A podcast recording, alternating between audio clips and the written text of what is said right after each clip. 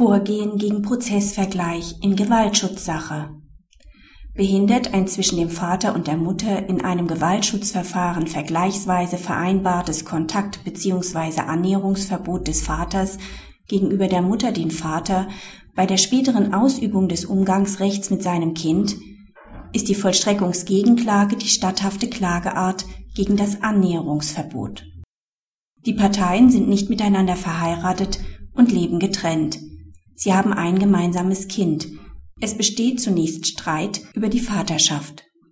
Die Mutter beantragt 2005 gegen den Vater vor dem Amtsgericht einstweiligen Rechtsschutz für ein Annäherungsverbot nach dem Gewaltschutzgesetz. Das Verfahren wird durch Vergleich beendet. In diesem verpflichtet sich der Vater unter anderem, zur Mutter keinen Kontakt aufzunehmen und sich ihr nicht zu nähern. Danach erkennt die Mutter die Vaterschaft des Vaters für das gemeinsame Kind an.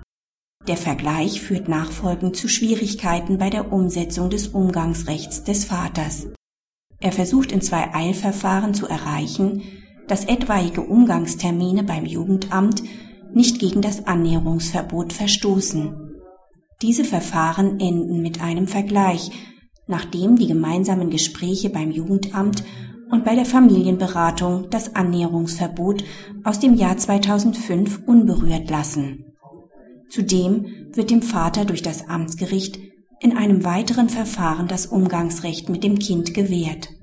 Der Vater begehrt Prozesskostenhilfe für eine Abänderungsklage, mit deren Hilfe er eine Aufhebung des Vergleichs aus dem Jahr 2005 anstrebt und eine einstweilige Einstellung der Zwangsvollstreckung hieraus. Das Amtsgericht weist den Antrag zurück.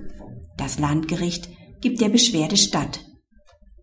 Statthafte Klageart ist die Vollstreckungsgegenklage.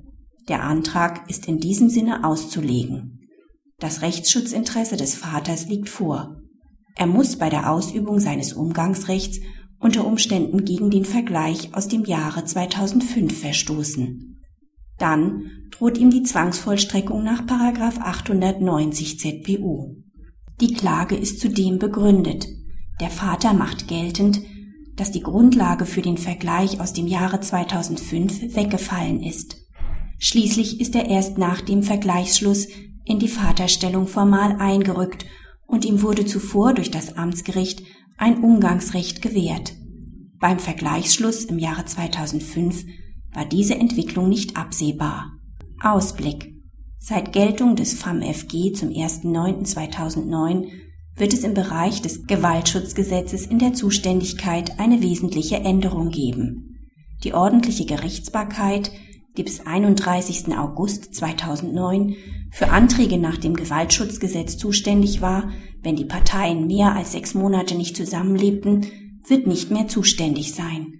Zuständig ist für alle Verfahren nach dem Gewaltschutzgesetz das Familiengericht